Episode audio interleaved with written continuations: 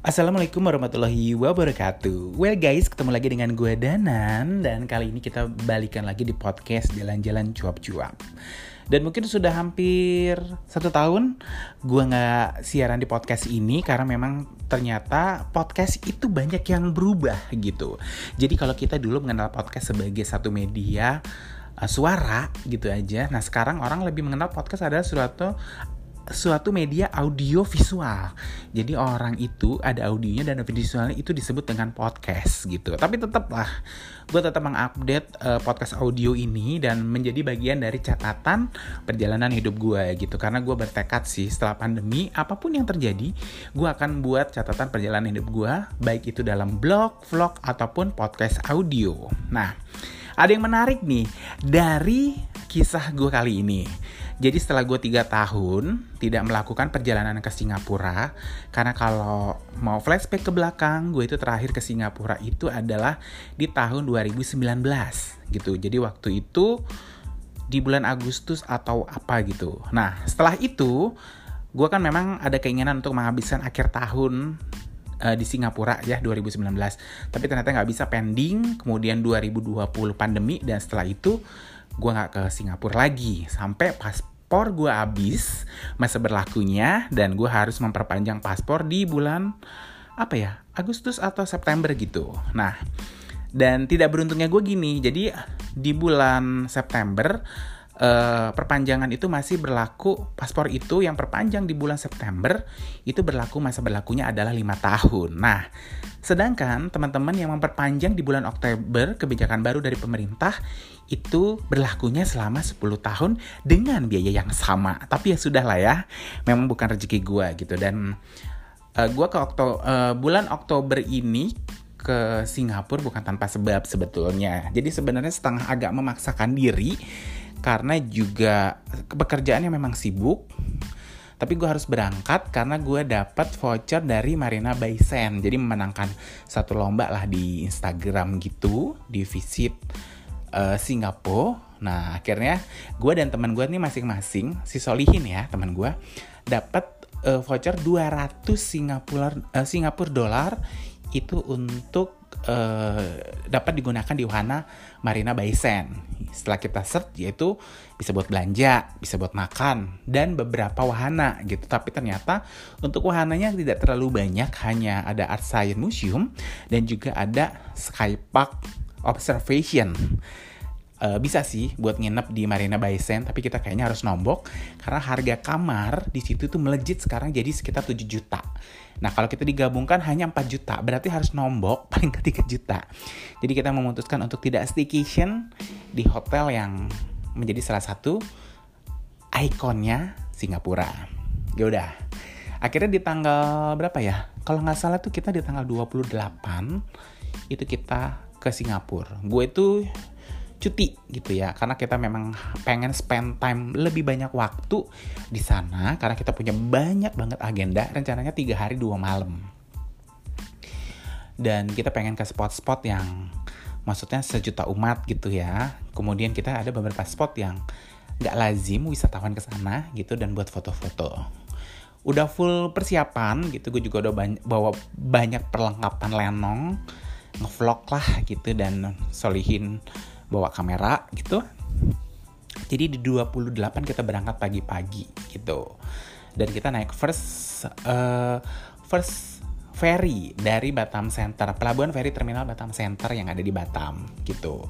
Dengan ongkosnya PP sekitar 700 ribu rupiah. Dulu itu sempat naik di angka 900, makanya gue juga agak males buat nyebrang karena gue pikir nggak worth it. Beda banget dengan di zaman sebelum pandemi yang hanya 300 ribu rupiah. Jauh banget kan naiknya gitu. Makanya gue juga pikir Singapura nggak worth it lah ya gitu karena tidak untuk menghabiskan si voucher ini yang udah akan expire di tanggal 31 Oktober, gue mungkin nggak akan di Singapura gitu. Ya udah kita berangkat. Dan bukan tanpa drama. Nggak sih sebenarnya kita mau berangkat bertiga sama teman gue cewek ini namanya Cahaya gitu ya. Nah kebetulan dia ini kan jurnalis dengan segudang kesibukan gitu tapi ternyata dia nggak bisa. Akhirnya dia berangkat di hari Sabtu. Ya wis kita berangkat dulu berdua gitu uh, dan di imigrasi gue pikir sih sudah nggak ada masalah ya gitu. Jadi memang uh, Singapura masih memperlakukan beberapa uh, persyaratan. Salah satunya adalah uh, arrival card yang lo mesti isi tiga hari sebelum perjalanan tapi don't worry man gitu. Kalau lo berangkat dari Batam besok pagi lo berangkat malam lo isi juga nggak masalah karena itu akan di approval secara sistem sama si mesinnya gitu. Let's say lo selalu ngisi itu akan di approval sekitar 30 menit sampai satu jam harus udah keluar tuh level cardnya masuk ke email gitu. Nah tapi ketika gue pertama kali nyampe di sana ya seperti kebanyakan orang Indonesia. Yang paling ditakutin adalah random check gitu. Cek oleh pihak imigrasi Singapura yang kita sendiri juga nggak tahu dasarnya apa gitu. Kalau teman gue Solihin yang namanya sangat Islami sekali em Solihin dia udah sadar gitu gue kayaknya bakal kena random check deh gitu ya. Dan gue sih uh, bersyukurnya enggak tapi yang bikin gue agak mengerutkan dahi gini gue sudah mengisi Rafael Card yang di mana itu gue sudah mengupload vaksin booster yaitu vaksin ketiga lah ya hitungannya. Tapi ketika gue di imigrasi dia tuh nanya ke gue kayak gini e, boleh lihat uh, sertifikat vaksin pertama? Hey ngana pikir kalau gue udah nunjukin vaksin booster ketiga gue belum melewati vaksin pertama yang di mana gue harus membuka aplikasi gitu. Dan itu ribet banget karena harus mengkonekkan dengan wifi dan sebagainya gitu. Jadi memang secara mental mau ngejatuhin gue tapi gue dengan santainya aja gue buka pelan-pelan gitu. Walaupun muka dia kayaknya nggak sabar ya gue santai. Lo yang nyuruh gitu sampai di akhirnya gue yang menang. Setelah gue bilang ini ya udah kata dia gitu. Gue lewat. Nah ternyata teman gue solihin uh, masuklah ya. Dia pokoknya lebih dari gue tunggu itu itu lebih dari setengah jam kena random check. Mungkin let's say di 45 menit gitu. Dia bilang biasalah ditanya dibongkar tasnya. Kemudian paling nyebelin kata dia rokok dia dibuang. Padahal dia hanya bawa satu bungkus dan itu juga sudah dibuka dan separuh udah dipakai gitu. Biasanya kalau itu nggak apa-apa nggak masalah tapi ini suruh buang gitu untungnya juga gini jadi jujur li ya, kita itu selama dua malam rencananya juga nggak akan tidur di hotel.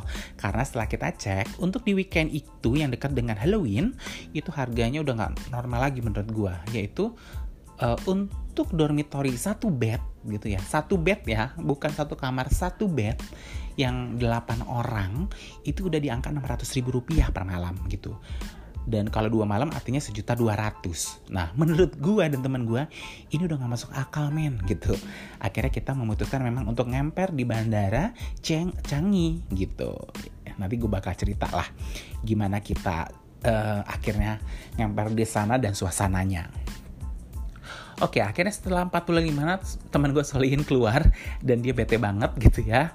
Dan tapi mau gimana gitu, memang dia udah ketergantungan dengan rokok, akhirnya dia mesti beli rokok di gerai ya di Singapura dengan harga satu bungkusnya 14 dolar yang artinya sekitar 150 ribu. Ya udah dibeli gitu ya. Itu semuanya ada kok uh, dokumentasinya kalau kalian nanti pengen lihat di vlognya. Vlognya udah ada di Instagramnya aku Danan Wahyu, linknya juga di situ. Kemudian juga kalau kamu mau menyambangi blog aku di www.dananwahyu.com itu ada semua di situ. Nanti tanggal dibuka aja itu ada sekitar 6 part gitu. Jadi kalau aku perjalanan sebisa mungkin buat ceritanya secara visual tuh yang bagus gitu karena siapa tahu bisa menjadi panduan orang lain ya yang mau jalan-jalan ke Singapura. Oke. Well guys, kita lanjut. Nah, akhirnya itu destinasi pertama kita adalah Chinatown. Jadi si teman gue Solihin ini pengen banget pengen ke Head Potatoes gitu, salah satu spot lah di pertigaan jalan yang dia ada satu bangunan tua dengan background kalau nggak salah itu sebuah apartemen mewah gitu. Jadi secara visualnya bagus banget. Itu lokasinya ada di Chinatown. Nah, gue sengaja memang mengaktifkan untuk internet ya gitu gue beli paket lah internet gitu karena gue pikir worth it lah tiga, tiga hari beli beli paket internet gitu itu kan ngebantu kami juga untuk cari lokasi. Kita sampai di Chinatown sampai di pasarnya gitu dan ternyata memang seru banget gitu karena memang tujuan kita di sini kan memang buat jalan-jalan yang bener-bener jalan gitu ya nikmatin uh, suasana kemudian arsitektural kemudian kita juga moto-moto street fotografi dan sebagainya gitu. Nah akhirnya nyampe lah ke Head Potatoes Nah, dari Chinatown akhirnya kita geser lagi nih. Ada satu lokasi foto kekinian namanya Fort Canning, yaitu sebuah benteng tua gitu ya yang tempat salah satu tunnelnya atau lorongnya itu menjadi the new icon gitu. Jadi ini adalah tempat lokasi foto yang instagramable. Jadi kalau kamu ngeliat tuh kayak ada lubang besar dan di atasnya ada pohon dan kita bisa foto dari angle dari bawah gitu, low angle lah gitu. Jadi sempat kita berputar-putar. Ini tips aja buat kamu yang mau cari Fort Canning. Jangan turun di stasiun Fort Canning, tapi turun di stasiun Orchard, cari pintu B, lalu keluar di situ dan menyeberang ke jalan. Nanti langsung ketemu gitu. Jangan di stasiun uh, Fort Canning. Itu nanti akan menuntun kamu ke arah uh, bentengnya, lokasi bentengnya, bukan lokasi tempat foto. Tapi sih nggak rugi juga sebenarnya karena Fort Canning itu juga banyak tempat-tempat yang seru. Bisa simak ya nanti di vlog aku ya gitu. Nah sudahlah kita mencari tempat foto akhirnya kita ketemu dan antri sebagai not aja ya. Ini kan lokasi fotonya kekinian. Kami itu hari kerja di hari Jumat yang sebenarnya tidak terlalu banyak wisatawan gitu. Itu kami nganternya sekitar satu jam gitu. Dan gue nggak tahu kalau di hari minggu mungkin antriannya panjang banget gitu. Tapi untuk seumur hidup sekali sih it's worth it lah ya. Gue tadinya juga udah males ya karena kan gue tipikalnya sebenarnya bukan orang yang harus ada foto gue di satu tempat gitu. Yang penting gue ada ngambil foto ngambil dokumentasi gue udah puas gitu. Oke. Okay. akhirnya setelah ke Fort Canning kita survei ke MBS, Marina Bay Sands. Kita itu kan sebenarnya tujuan ke situ mau ngabisin voucher kita yang masing-masing sekitar 200 dolar gitu. Dibuat apa nih? Ya udah, kita mau ngabisin sore di uh, Sky Park Observation. Itu ada di uh, Tower 3 Marina Bay Sands kita juga sempat muter-muter sih nyarinya gitu. Kemudian kita naik ke lantai 56 gitu. Tadinya kita mau gunain vouchernya kita yang pecahannya 100 dolar. Nah, let's say kan itu untuk warga asing atau wisatawan asing itu harganya di 26 Singapura dolar. Kita nanya nih sama mbak, mbaknya, artinya kan 52 dolar nih, tapi pecahan kita 100 dolar. Kata si mbaknya, Uh, bisa, cuman nanti sisanya nggak dibalikin gitu karena tidak ada tuh istilahnya lo pakai voucher terus ada uang kembaliannya gitu. Nah akhirnya gimana nih? Ya udahlah akhirnya karena kita udah sampai di sana dan mau menghabiskan waktu, ya udah akhirnya kita beli aja reguler lah biasa. Dan beruntungnya kita itu dikasih harga wisatawan lokal atau wisatawan Singapura yang hanya 18 dolar gitu. Ya udahlah kita nikmatin. Gue pikir sih Eh, nggak uh, worth it ya gitu karena ya udahlah kayak lo naik ke lantai bangunan 56 terus lo ngeliat ke bawah gitu pemandangannya tapi ternyata bagus tempatnya gitu dan kita juga sempat menghabiskan dari sore sampai menjelang jam-jam 8 malam gitu karena memang suasana juga keren sih menjelang sore kemudian pergantian matahari kemudian menjelang malam gitu kan semua lampu hidup dan akhirnya di jam 8 malam akhirnya kita bergeser ke penginapan kita yaitu hotel terbesar yang ada di Singapura. Nggak ding. Jadi kita memang malam itu mau ngemper ke uh, Changi Airport. Kita tidur akan ngemper gitu ya. Nah tujuan kita adalah uh, kita mau lihat ke Jewel dulu gitu melihat atraksi Jewel tapi kan karena perjalanannya lumayan panjang ya ternyata untuk turun pun ngantri gitu jadi ujung-ujungnya jam 8 lewat kita baru sampai bawah dan perjalanan juga mungkin agak panjang gitu jadi barulah kita kalau nggak salah sampai di uh, bandara Changi terutama di Jewelnya itu sudah di atas jam 9 atau jam 10 di mana lampu-lampunya udah mati gitu padahal kami pengen lihat atraksi lampu yang ada di Jewel gitu ya. Tapi ya sudah lah ya, karena sebelumnya juga kita sempat makan dulu mampir dan itu lumayan makan waktu sih. Tapi it's okay gitu, karena kita udah lapar banget ya. Dan just informasi aja, beberapa harga memang sudah naik gitu. Jadi sebagai perbandingan seperti ini. Kalau gua dulu itu untuk sehari gue membutuhkan sekitar 10 dolar untuk naik MRT gitu untuk keliling uh, Singapura gitu ya. Tapi sekarang itu nggak cukup 10 dolar gitu dan biaya makan juga udah naik gitu. Tapi oke okay lah gitu. Oh iya sebenarnya ada drama juga sih bukan drama ya pelajaran penting lah bahwa ternyata uh, kartu aslinya gue ini udah expire gitu Nah nggak bisa dipakai di tab kan, akhirnya gue juga harus tuker lah gitu dengan biaya 10 dolar. Itu bisa tuker di bagian tiketing ya kalau kamu di MRT. Oke, kita lanjut apa yang gue lakukan di uh, Bandara Changi Airport. Kita ngemper, yaitu di Hall Terminal 1, yaitu sebuah terminal yang biasa dipakai untuk uh, para apa ya para penumpang transit gitu. Istirahatlah keluar gitu ya. Di situ enak tempatnya. Ada tempat duduk kemudian ada karpet ada colokan listrik. Nah yang paling seru adalah di deket toiletnya itu ada refill untuk air minum gitu. Dan di situ juga ada beberapa orang jual makanan. Nah ya udah kita ngemper lah di situ. Ya otomatis bukan dengan tidur yang sangat nyenyak dan sempurna ya. Karena kan banyak orang kita juga harus waspada dengan barang-barang kita. Kebetulan barang-barang yang gue bawa juga nggak terlalu banyak gitu. Yang penting sih kita ngecas aja biar besok pagi kita bisa uh, foto-foto dan video lagi gitu kan. Oke. Nah jadi pagi-pagi kita udah bangun dan rencananya kita mau sarapan. Tadinya mau sarapan beberapa gerai yang ada di Terminal 1 hall itu tadi. Tapi ternyata uh, teman gue ngajakin gimana kalau kita ke staff kantin yuk gitu di terminal 1 juga pengen tahu suasananya setelah pandemi seperti apa ya udah akhirnya kita ke sana dan ternyata memang banyak gerai-gerai yang tutup gitu walaupun tetap banyak lah yang jual makanan tapi mungkin sekitar hanya sekitar di let's say mungkin 30%, 25% gitu. Nggak banyak pilihan seperti dulu gitu. Tapi harganya juga tetap affordable lah gitu. Kayak let's say kalau mungkin lo kalau makan di atas mungkin habis sekitar 10 dolar atau 8 dolar. Di situ mungkin bisa hanya dengan tiga setengah dolar sampai 5 dolar gitu. Nah untuk minumnya kita ngambil ya dari si kan ada water buat refill isi air minum ngambil aja di situ Nah dari situ gue dapat kabar teman gue kesiangan gitu. Akhirnya ya udahlah daripada kita nunggu teman lama, kita udah kita jalan-jalan aja dulu ke di Jewel gitu. Karena semalam kita juga nggak sempet sampai nunggu airnya jatuh gitu. Kita pikir jam 9 air terjunnya udah jalan, ternyata nunggu sampai jam 10 gitu. Di sini tuh kita banyak banget bikin konten seru lah gitu. Kalian bisa lihat di Instagramnya aku atau di Instagramnya Solihin.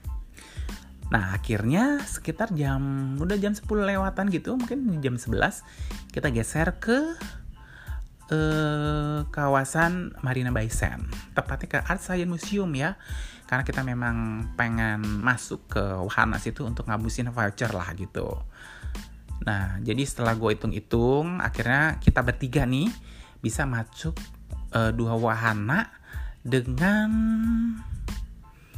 ya masing-masing dua anak dengan menghabiskan uang sekitar di 100 2 dolar. Jadinya akhirnya kita cuma nombok 2 dolar aja.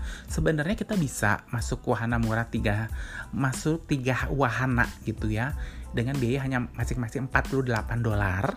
Tapi kalau gue hitung-hitung nanti rugi gitu. Kenapa? Karena kita waktu juga nggak ada. Kemudian juga kita mesti nambah 48 dolar atau kita kehilangan 52 dolar. Kan kalau kita voucher voucher yang 200 ribu gitu. Karena ternyata di hari itu gue mendapat berita ada tugas lah mendadak dari kantor gue dan gue harus balik ke Batam di hari itu. Jadi gue nggak bisa lanjut ke hari ketiga gitu. Tapi ya udahlah kita tepat mencoba untuk have fun. Gue pikir ya tugas ya tugas tapi gue juga tetap harus have fun karena gue tetap harus refreshing. Udah lama gue nggak refreshing kerja dari kerjaan gitu. Karena di bulan Oktober itu lumayan sibuk karena gue ada beberapa training dan ada beberapa pekerjaan yang menguras energi gitu yang bikin gue nggak bisa bikin konten ngeblog ngevlog. Jadi curhat oke. Okay. akhirnya ya udah di jam 12 Cahaya dateng, untungnya dia bawain kita makanan. Kita sempat ada kepikiran sih buat makan siang ataupun makan malam dengan menggunakan voucher. Tapi ternyata harga makanan di situ gue pikir cukup mahal dan sayang banget ya. Akhirnya ya udah vouchernya kita pakai buat belanja. Gue bilang kita harus selesai belanja hari ini karena gue harus balik nanti dengan last ferry. Dan kalau kalian berdua mau melanjutkan perjalanan besok, it's okay it's fine gue bilang gitu kan. Nah akhirnya ya udah kita belanja lah di situ. Kemudian kita juga sempat masuk art science museum bikin konten dan sebagainya lah gitu. Itu bisa lihat kalian lihat lah detailnya. Nanti aku, aku juga akan bikin versi tulisannya di blog aku. Dan pastinya juga di vlog. Vlognya udah jadi ada 6 part tapi kayak ada satu part lagi yang aku mau tambahin yaitu tentang kantin Bandara Canggih di Terminal 1 Oke, kita udah ngabisin waktu di situ sekitar jam 6 lah. Akhirnya gue bilang sama teman gue kalau kalian mau lang, uh, lanjut, silakan lanjut. Gue akan balik ke Haber Front gitu ya untuk uh, ngejar yang namanya uh, apa namanya ferry. Karena ferrynya gue pikir waktu itu di 8.40 gitu. Gue nggak punya banyak waktu nih. Karena perjalanan gue hitung adalah di sejam. Kemudian kan uh, satu jam setengah itu kita udah boarding sebelum kapal jalan ya. Eh satu jam lah gitu. Dan gue juga belum check in tiket makanya gue buru-buru. Tapi beruntungnya akhirnya kita dapat yang di 21.30 jadi lebih banyak waktu lah buat temen gue makan. Kita makan lah kita makan. Temen gue belanja oleh-oleh gitu dan jujur li gue belum puas banget gitu karena sebenarnya ada beberapa destinasi yang pengen gue sambangin gitu. Jadi memang setelah tiga tahun gue tuh pengen ngulang lagi di Singapura gitu. Kemudian juga ada beberapa destinasi baru ya kayak tadi yang lagi hit gitu Fort Canning kemudian juga ada Skydash nah kita pengen ke uh, apa namanya jalan atau gang Bangkok merupakan kampung terakhir yang ada di Singapura gitu. Dan juga pengen ke Tiong Baru gitu. Ke tempat uh, apartemen jadul yang gayanya art deco banget dan itu keren banget. Pokoknya banyak sebenarnya sih destinasi. Dan mungkin gue akan ngulang lagi ya atau meneruskan perjalanan gitu. Next time lah ya gitu. Nah buat kalian yang pengen tahu informasi atau mungkin destinasi yang yang mainstream yang nggak mainstream di Singapura bisa join ke uh, blognya aku di www.danwahyu.com gitu. Karena kita juga waktu itu aku sempat melakukan perjalanan ke daerah Punggol. Di situ ada satu pulau kemudian banyaklah pokoknya. Nah itu pengen aku ulang lagi gitu. Kebetulan sih biasanya aku traveling ini dengan salah satu teman lokal aku orang Singapura namanya Hadi Nah, dia biasanya yang menunjukkan spot-spot keren atau spot-spot seru yang ada di Singapura. Yang mungkin nggak kebanyakan orang tahu gitu. Jadi, ya lucu aja gitu. Jadi nggak bosan lah, bukan destinasi atau spot sejuta umat gitu. Gitu perjalanan aku setelah tiga tahun nggak ke Singapura. Nah, semoga ini bisa memberikan informasi kepada kamu. Dan jangan lupa juga ya untuk menyambangi blog aku di www.dananwahyu.com atau mungkin di channel YouTube aku @dananwahyu dananwahyu ya karena semua website, semua blog, semua media sosial aku itu Danan Wahyu gitu. Dan semoga ini bisa memberikan inspirasi untuk kamu yang mau jalan-jalan ke Singapura. Terus tanya, Kak tipsnya apa ya kalau mau jalan ke Singapura? Kalau tipsnya sih sebenarnya ya duit ya. Enggak melakukan persiapan perjalanan gitu. Kalau sorry itu sih uh, nama kamu agak berbau-bau islami ya sebisa mungkin lengkapilah semua dokumen perjalanan yang mungkin nggak perlu kok. Orang bilang nggak perlu. Kayak gini. Kayak gue sebenarnya sama Solihin itu tidak punya uh, bukti pemesanan tiket, tapi kami bikin bukti pemesanan tiket di sana walaupun tidak kami bayar gitu. Karena apa? Solihin pasti akan ditanyain. Dan beneran jadi tanyain gitu. Nah, gue nggak mau kejadian kayak gitu. Yang kedua adalah pengalaman teman gue. Jadi banyak kasus terjadi uh, karena kita sudah tidak lama melakukan perjalanan untuk pemilik paspor baru akan ditanyain paspor lama. Kalau kamu punya paspor lama dibawa. Karena biasanya pilihannya kalau kamu tidak bisa menunjukkan paspor lama disuruh menunjukkan KTP. Nah, kalau identitas KTP kamu berbeda sedikit aja dengan yang ada di paspor, bisa jadi kamu langsung dideportasi. Ini terjadi sama teman aku loh. Ya wis lah pokoknya tetap kan uh, persiapkan perjalanan kamu dengan sebaik-baiknya gitu. Dan nikmati perjalanan kamu ya gitu. Bikin itinerary banyak riset mungkin banyak tanya ke beberapa forum untuk yang baru per pertama kali ke Singapura. Tapi sebenarnya ke Singapura juga nggak susah-susah amat lah ya kalau kamu banyak duit gitu. Karena ini kota juga uh, sangat ramah buat kaum disabilitas. Uh, jadi aku pernah ketemu dengan beberapa teman teman dari komunitas tunarungu yang mereka tuh jalan loh ke Singapura dan dahsyatnya juga pernah ketemu dengan orang tunanetra yang hanya mengandalkan aplikasi dan beberapa petunjuk jalan nih yang ada di jadi kan ternyata kalau di trotoar di Singapura itu kan friendly dengan orang tunanetra ya. Dia yang ngandelin itu dan dia bisa enjoy jalan-jalan di Singapura gitu. Nah, mereka yang istilahnya mengalami uh, apa namanya ya kekurangan ya secara fisik, visual atau mungkin pendengaran aja bisa traveling ke Singapura, masa kamu yang normal yang mungkin aku nggak bisa bahasa Inggris don't worry sekarang